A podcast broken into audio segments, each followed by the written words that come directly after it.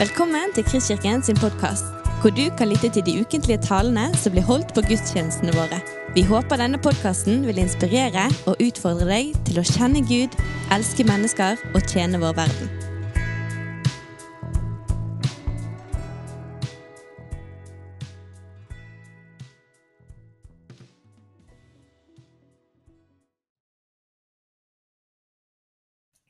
Gud møter oss. Gud har møtt oss i eh, lovsang, i vitnesbyrd, bønn, i fellesskapet. Og eh, nå er det sånn at når Gud taler til oss, så skapes det noe. Gud skaper det han nevner. Guds ord er virkekraftig, levende. Og det er min bønn i dag òg, som ellers alltid, at det ordet vi skal lese, og det ordet vi skal høre, skal skape det det nevner. Og jeg holdt på å si Gud, vær litt forsiktig, da. Det er så sterkt, det vi skal høre nå i dag. Og eh, det å følge Jesus er så sterkt. Så hvis det skjer det som ordet taler til oss om, så blir det fyr og flamme. Jeg, satt, eh, jeg har sittet flere dager nå og lest Alf Magnus sin bok om Hans Nilsen Hauge. Hans Nilsen Hauge som var ute på marken og gikk og sang en sang. 'Jesus, din søte forening og smake'. Altså, Jesus, la meg få lov til å oppleve ditt nærvær. Eh, det å være ett med deg. Og så synger han videre om at han, jeg og var mitt der jeg gjerne vil miste. Men bare dette at din ånd må gjøre sin gjerning i meg. Og Jeg kjenner det når jeg leser den boken. der. Det er jo ikke Guds ord direkte i den boken, men det er et vitnesbyrd. Et vitnesbyrd om Hans Nilsen Hauges liv, et vitnesbyrd om det Gud gjorde i hans liv, og det er ikke rart at Alexander Kielland sier at han er den som har betydd mest for forandring i dette landet. Gud brukte han på så mektig måte at det er, overgår iallfall min forstand at det kunne skje. Men jeg satt og leste den boken i går kveld, eller går ettermiddag. Så var det som jeg kjente et kall til å legge den boken fra deg. Gå heller tilbake igjen til Markusevangeliet og les der som forberedelse til dagen i dag. Og når jeg satt og leste de første kapitlene i Markusevangeliet, så ble det litt forandring i det jeg hadde planlagt å si i dag. Og om det er sterkt vitnesbyrd om Hans Nilsen Hauge og det Gud gjorde i hans liv og gjennom han, som forandret Norge, så er det jo enda sterkere det vi leser om da Jesus kom og begynte å forkynne evangeliet. Som ikke bare forandret Galilea og delvis Judea og så utover grensene litt, men som i 2000 år har forandret denne verden. Og så tenkte jeg på Hans Nilsen Hauge. Han var én mann som var med på å forandre hele Norge. Han fikk etter hvert mange medarbeidere. Men han fikk jo ikke med seg embetsmennene. Han fikk ikke med seg biskopene og prestene. Det var bondestanden. Det var leilendingene. Det var det, de som var nederst nede, som kom først til han. Men de etablerte bedrifter, og de begynte å vinne ut salt. og Det er bedrifter ennå i dag. og jeg vet det, Neste gang jeg skal til optiker Svabø, så skal jeg spørre Vet du at Svabu-familien, da de starta bedriften her i Bergen, var haugianere? Kanskje får anledning til å ikke bare si litt om Hans Nilsen Hauge, men litt om Jesus. Men det skjedde så utrolig mange ting rundt han. Vi syns at det er mange utfordringer i vår tid. Men jeg tror at det var enda større utfordringer i Hans Nilsen Hauges tid. Med fattigdom, med kjempeforskjell på folk, med umoral, med drukkenskap. Det ble forandret. I store deler av landet. Vi leser jo evangeliet om at Jesus han gikk mye. Men, men jeg tror faktisk Hans Nilsen Hauge overgår Jesus i vandring. Han gikk og gikk. og Besøkte ene sted etter det andre. Møtte han folk på veien, så pratet han med dem om evangeliet. Kom han til en bygd, så var det samlinger. Etter hvert så ble det samling alle steder. Og Det står mange ganger her i, i Markusevangeliet at folk strømmet til. Og det skjedde på så mange bygder og byer, særlig bygdene, der bondebefolkningen bodde, at de strømmet til. Nå skal vi lese denne teksten fra Markus 7, fra vers 24, og så skal jeg ta et liten vandring gjennom de sju første kapitlene i Markusevangeliet etterpå, og slutte med siste versene i kapittel 16. Markus 7, 24. Så brøt Jesus opp derfra, altså fra Galilea eller området rundt Genesaretsjøen, og dro til Tyres-området. Der tok han inn i et hus og ønsket ikke at noen skulle få vite det, men det kunne ikke holdes skjult. En kvinne der hadde en datter som hadde en ur og uren ånd i seg. Straks hun fikk høre om Jesus, kom hun og kastet seg ned for føttene hans. Denne kvinnen var gresktalende, av syrisk-fønikisk ett. Hun ba ham drive den onde ånden ut av datteren, men Jesus sa til henne, La først, barna bli mett, la først barna bli mette, for det er ikke rett å ta brødet fra barna og gi det til hundene. Herre, svarte kvinnen, selv hundene under bordet spiser jo smulene etter barna. Han sa til henne, fordi du sa dette, sier jeg deg, gå hjem, den onde ånden har forlatt din datter. Hun gikk hjem og fant barnet liggende på sengen. Den onde ånden hadde forlatt henne. Da jeg leste den teksten, der, så tenkte jeg det er jo veldig mye som biografiske opplysninger Markus har tatt med da, om denne kvinnen. Først var det det at hun var i Tyros-området. Vet dere hvor Tyros ligger? Ute ved kysten oppi det som nå er Libanon. Jeg har forresten en god venn som bor der. Han, han heter Mahmoud. Han har muslimsk bakgrunn, men han møtte Jesus. Og han er en av de kristne lederne i Libanon i dag. Har en fantastisk tjeneste. Han bor i, i Tyros i denne byen her. Men det var et område som i gammel tid hadde vært preget av kananeisk religion. Det var et senter for baaldyrkelsen.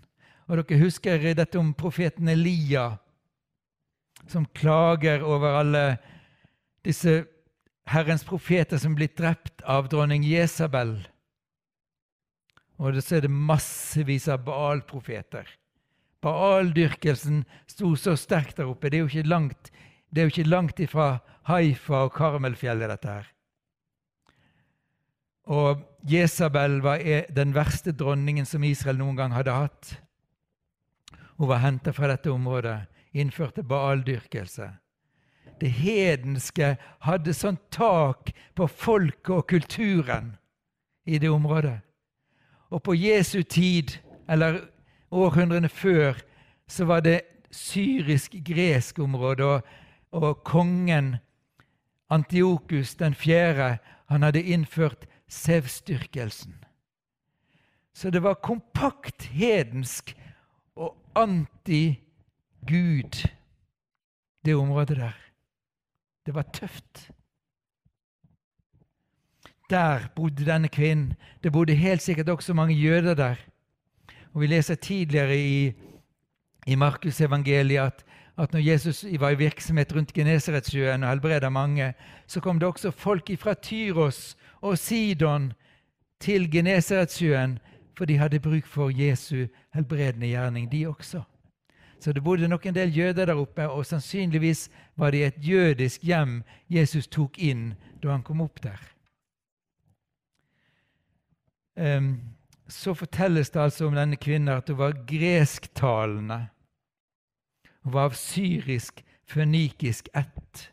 Så Markus bare understreker denne kvinnen er ikke jøde. Hun er ikke av Israels hus. Hun er hedning. Og midt i dette altså, så kommer hun til Jesus. Fordi hun har en nød. Og den nøden består i at datteren hennes har en urein ånd. Eller som det står senere, når det står ond ånd, så står det demon. Det er en demon som plager datteren. Og oppi det området der var det ingen med kanoneisk religion eller gresk religion som hadde makt til å sette fri et menneske fra onde ånder. Og det var vel heller ikke mange i Israel, men det var én. Noen av oss eh, som er her nå, også var i Egypt for eh, begynner å bli altfor lenge siden. eh, men eh, da, fikk vi, da fikk vi være vitne til noe der muslimer kom til den store grottekirken i Kairo for å bli satt fri fra onde ånder, ureine ånder. For det var jo ingen i det muslimske miljøet, ikke en eneste moské rundt om i landet. Ikke en eneste imam som hadde en makt til å sette fri fra de ureine eller onde åndene. Det var kun Jesus. Gjennom denne presten Simon og hans medhjelpere, som var åndsutrusta til å sette fri. Hun hadde denne nøden her, men Jesus sier nærmest som et sånn teologisk prinsipp at Neimen, du, evangeliet er for jøde først. Og det er det. Og det er det fortsatt. Og her borte står det to flagg som vitner om noe av dette. Det er et, eh, det israelske flagget som forteller oss hvor vi har fått evangeliet fra.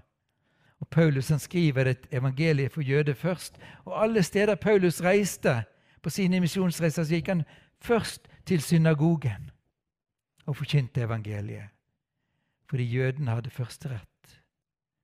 Men så vendte han seg til hedningene. Og så har vi fått evangeliet, og så har vi et flagg med kors i.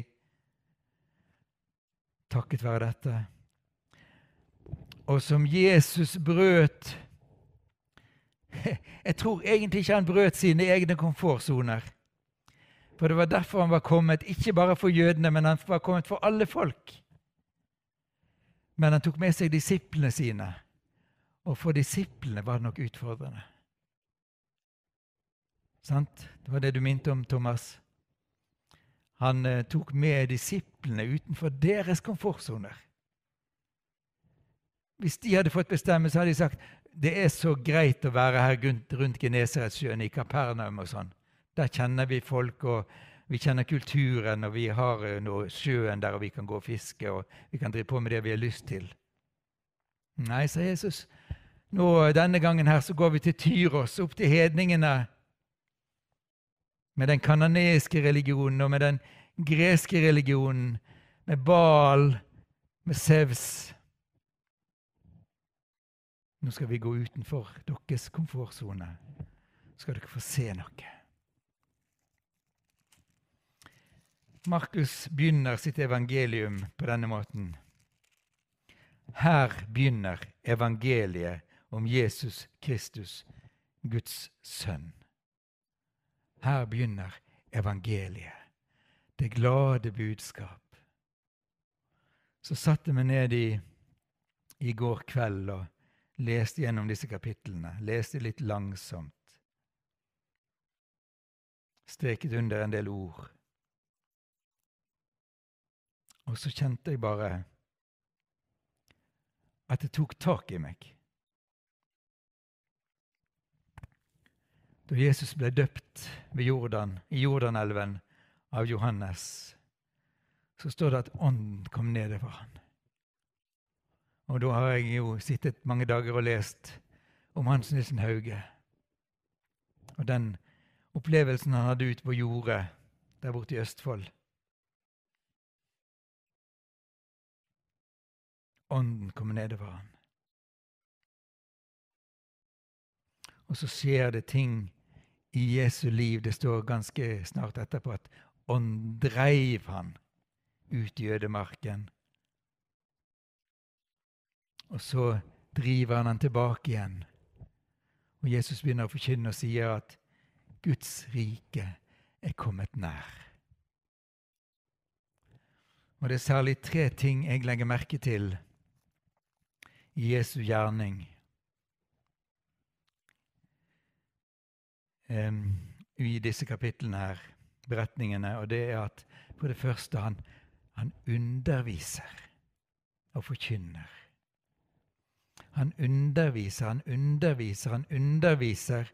Han lærer. Men det er en forskjell på Jesu undervisning og de skriftlærdes undervisning. Folk blir slått av undring, for han lærte dem med makt og myndighet.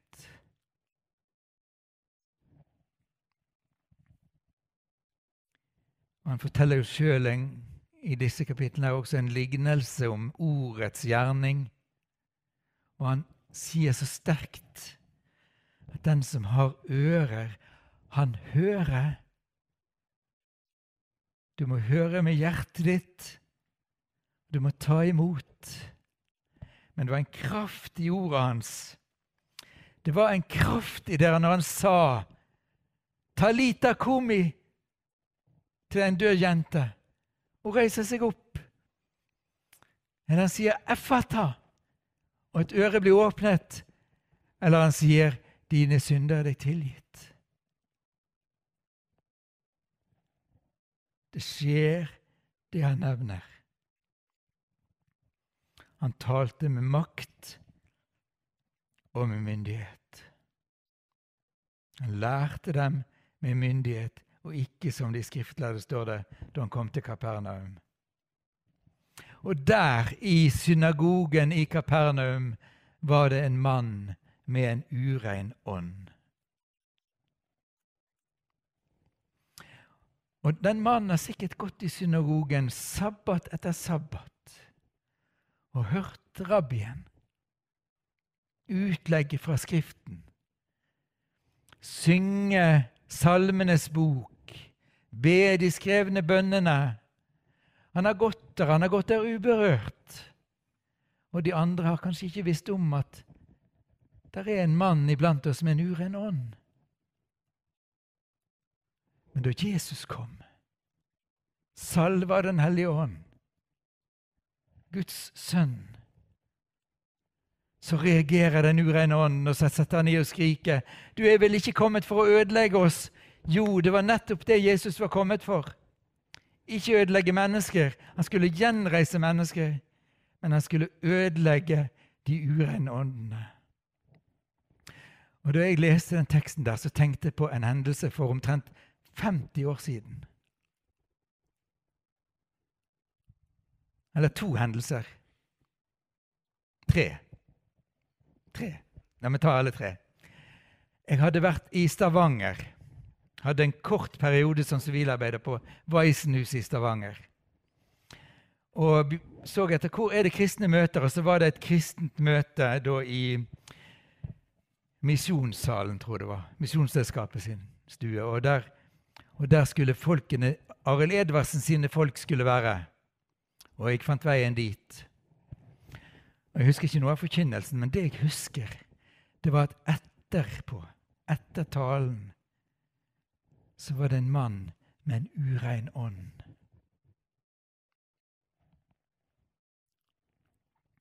Og det kom til kjenne. Og de evangelistene som Arild Edvardsen hadde sendt ut, de begynte å be for han. Og de befalte den urene ånd om å vike fra han. I dag tenker jeg det ville sikkert vært noen der med regnbueflagg og sagt Hør her. For han hadde nemlig gitt seg over til et ureint liv, seksuelt liv. Og så var det sånn med den mannen der, dessverre, at han hadde inngått en pakt. Han ville ikke gi slipp på den urene ånd, og den ureine ånd ville ikke gi slipp på den mannen. Det var en kamp som foregikk der så voldsomt. Hvordan det der videre gikk, vet jeg ikke, men jeg hadde lært noe. Og så hadde vi en lagsleir. Og um, det var en fin og god leir. Det var mange kristne ungdommer. Vi tenkte alle sammen er kristne. Så sto vi ute i gangen. Jeg husker det så tydelig. Ser det for meg. Vi sto der, Kanskje vi var fem stykker som sto og pratet sammen. Og så plutselig var det blitt for varmt, eller Jesus kom. Så sto der en jente. Hun hadde tre kors i en lærreim rundt halsen. Så hun bekjente jo troen på Jesus, og plutselig så tar hun tak i det trekorset og river det av seg, kaster det på, på gulvet og tramper på det. Og vi andre sto der sjokkert. Hva er det som skjer? Og så Jeg vet ikke, men iallfall så ble det sånn at uh, hun og jeg gikk inn på et rom, og så sa jeg bare til henne kan du si 'Jesus er Herre'? Hun hadde sagt så mange andre fine kristelige ting, men hun klarte ikke å si 'Jesus er Herre'. Og da skjønte jeg her er det en åndskraft som holder henne tilbake. Og så kom det fram at denne jenta hadde vært i et miljø sammen med noen andre jenter og lefla med det okkulte.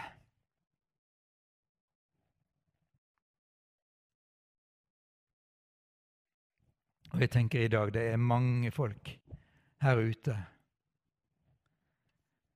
som har drevet på med spiritistiske ting eller okkulte ting, der en urein, ond ånd har kommet på innsiden og har kontroll. det som skjedde med den jenta der, det var at den onde ånd i henne ble drevet ut. Ja, Jesus vil ødelegge de onde åndene, og han vil sette mennesker fri. Og takk og lov og pris, den jenta ble fri. Fra det møtet der på gangen, der hun kasta korset på gulvet, og vi så øynene hennes forvandles til svart farge så ble det ei jente med et åpent ansikt og gode øyne. Det var på en leir. Her var det midt i synagogen. På en sabbatsgudstjeneste. Men Jesus kom og satte henne fri. Et tredje eksempel jeg har lyst til å, å nevne Tante var én, to, ja, tre. Det var på Alrek studentby. Jeg var av og til sammen med en student, og vi hadde bønnesamling der. Vi var to og to stykker. Så satt vi en dag på hybelen hennes og ba. Ba i tunger og ba på norsk, og vi lovpriste Gud. og Så plutselig så hører vi det går i ei dør, og så banker det kraftig på døra. Og så er det en som roper inn til oss. Slutt å be! For når dere ber, så virker ikke det spiritistiske.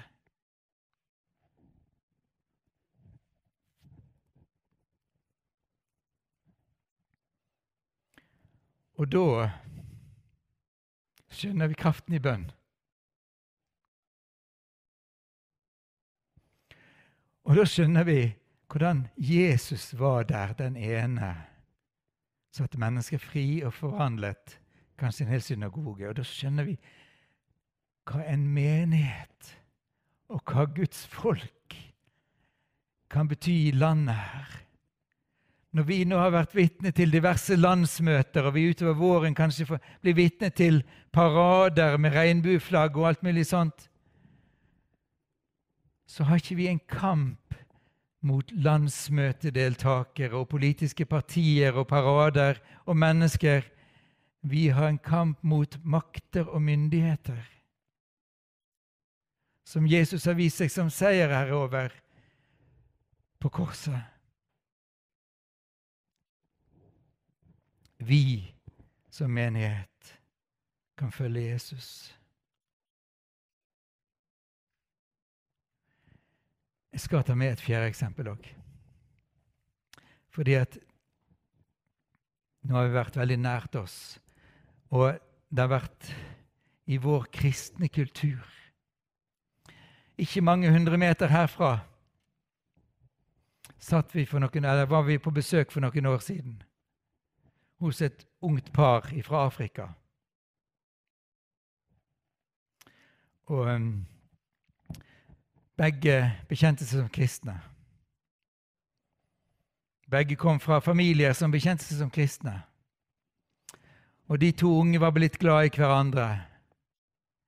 Men hans familie, etter at de hadde gifta seg, så befalte hans familie at han måtte skille seg fra denne kristne kvinnen, unge kristne kvinnen. Han var kommet til Norge først og hadde en kjempejobb i Norge. Så kom hun. Hun visste ikke hvor han bodde omtrent. Hun visste ikke hvordan hun skulle finne han, men det var en som klarte å hjelpe henne dit. Og så Noen dager seinere ble vi spurt om å komme dit, hjem til dem. Det er bare noen hundre meter herfra. Og um, det, var en, det var en kamp der. Fordi at denne mannen her, denne unge mannen Når han, hans følelser var på rett sted, så bekjente han jeg elsker henne. Jeg vil leve, jeg leve sammen med henne, jeg vil være gift med henne. Men i familien, hans far, da var det sånn Vi vil ikke ha noe med henne å gjøre. Var en levende kristen. Og hans far tilhørte en slekt der de ikke bare trodde på Jesus på sin måte, men de drev også med de ukulte tingene. De var bundet opp i sin tanke og sitt følelsesliv av urene, onde ånder. Få denne kvinnen vekk! Og så var vi sammen der, og så kommer vi til det punktet da jeg skjønner at her har vi med åndskrefter å gjøre.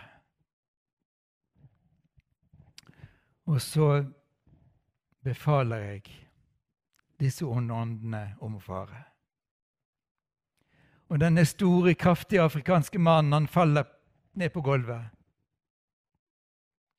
Og så sier jeg ikke av meg sjøl, tror jeg. Men sier 'åpne vinduet'. Og så kan jeg befale den ureine ånden om å fare ut av mannen og ut vinduet.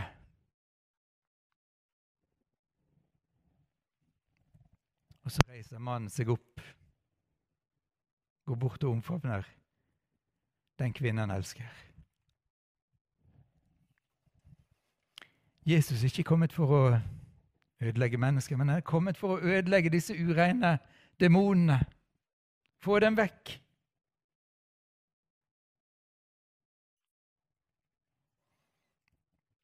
Jesus forkynte med makt og myndighet. Jesus drev ut ureine ånder, og Jesus helbredet. Reiste opp folk. Og det er så sterkt å lese kapittel 3 i Markusevangeliet om helbredelser. Og Tenk at det var mennesker som kom der, religiøse ledere, som kom der for å sjekke Jesus. Hva kommer han til å gjøre på sabbaten? Kan du be en mann ta opp sengen sin og gå på sabbaten? Og Jesus må igjen si, Menneskesønn er kommet for å berge menneskeliv. Og så tilgir han syndene. Så reiser denne mannen seg opp, tar båren sin og går. Folk begynner å strømme til, for han må vi få en opplevelse av. Og Midt i dette så sier Jesus til disiplene sine, de tolv han deler dem opp to og to og sier nå skal dere gå ut. Hei, nå skal dere bryte deres komfortsone. Nå skal ikke dere bare se på at jeg gjør det her, men nå skal dere gå ut Og så skal dere forkynne det glade budskap. Og dere skal helbrede syke. Dere skal sette mennesker fri fra urene ånder. Og de går ut, nølende sikkert, redde. Og så begynner de å se at det Jesus har sagt, det skjer.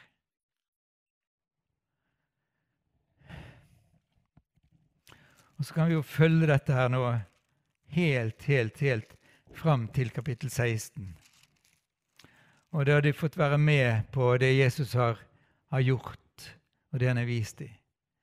Og Markusevangeliet, det korteste av alle evangeliene, 16 kapitler, veldig komprimert. Men de har fått det de trenger. Og Markus gjenforteller det. Og eh, jeg opplever det som, det som Emmaus-vandrerne vitner om. Brant ikke hjertene i oss da han talte til oss på veien? Det, det Markus har fått å skulle skrive ned av Jesu ord, av Jesu gjerning. Og så slutter Markusevangeliet med misjonsbefalingen. Gå ut i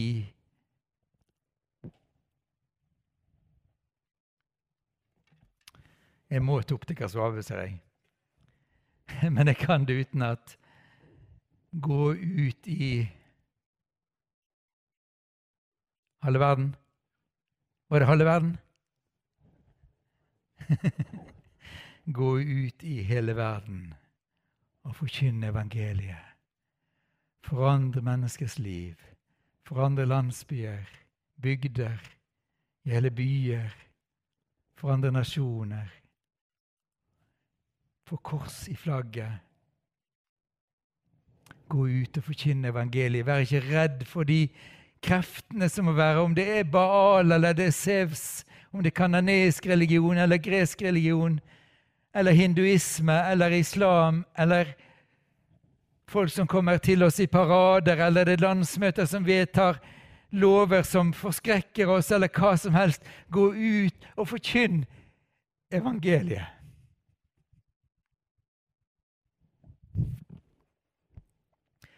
Forandre verden. Gjør som Hans Nilsen Hauge. Han møtte motstand på det ene stedet etter det andre. Å, hvor kjekt det hadde vært! Han tenkte vel kanskje sånn Tenk om embetsmennene, tenk om biskopene hadde sagt ja, dette er flott. Tenk om sokneprestene hadde sagt ja, velkommen til å bestige vår talerstol. Det var stengt for han. Men Guds ånd hadde salvet han. Guds ånd drev han. Det fortelles ikke mye fra haugianerne om, eh, om tegn og under og sånn. Så var ikke det deres første oppgave. Tegn og underne skjedde jo kanskje i at det ble en fabrikk i Eiker, Nedre Eiker, det ble fabrikker i Bergen, det ble salt, utvinning overalt. Folk så at det skjedde noe i kjølvannet. Kanskje det var tegnene og underne. Kanskje det er det som skal være tegnene og underne også. For oss noe av det. Jeg er treg, egentlig, til å legge hender på syke. Til å tilby meg å be for syke når jeg møter ufrelste mennesker som sliter med ting. Jeg må øve meg opp i det der. Jeg må bryte det er så komfortabelt å være innenfor og ikke si noe. Men der må jeg øve meg. Der er noe for oss, hver av oss, til nettopp dette. Gå med evangeliet. Er dere med? Skal vi ikke reise oss og begynne å gå rundt her eller komme fram her og stå sammen stimla og bli bedt for og sånn med utrustning? Det kan vi ikke gjøre nå. Men nå kan du lukke øynene en stund, og skal jeg avslutte med en bønn. Så kan du vende ditt hjerte til Jesus.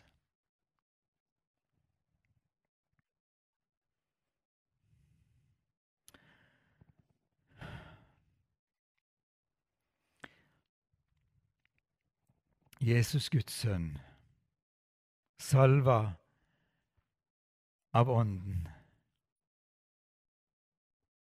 Du begynte å forkynne om Guds rike.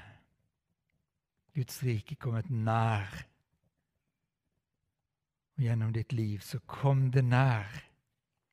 Mennesker fikk oppleve Guds rikes kraft. Kjenne det i sine liv, bli satt fri, se det for sine øyne. Bli reist opp. Og i Judea og Galilea Men så gikk du videre, Jesus. Videre, videre. Du er ikke redd for å gå videre. Som du tok dine disipler med, så vil du ta oss med. Jesus, jeg ber deg om at hver enkelt av oss Menigheten. Menigheten i byen, kirken i landet. Kirken i verden. Bare skal følge deg i dette. Så priser vi deg, Jesus for at når vi løfter blikket og ser, så ser vi òg at det er sånne vitale kristne og vitale kirker rundt om i verden. Vi takker det for våre søsken som er fylt av ånd og kraft. Velsign dem, Jesus. La det spre seg, Jesus. Vi ber Jesus om at vi ikke skal føre kamp nå mot kjøtt og blod. Vi skal skjønne hva dette består i. At det ikke er navngitte politikere som vi skal gå i strupen på, først og fremst. Som menighet så vet vi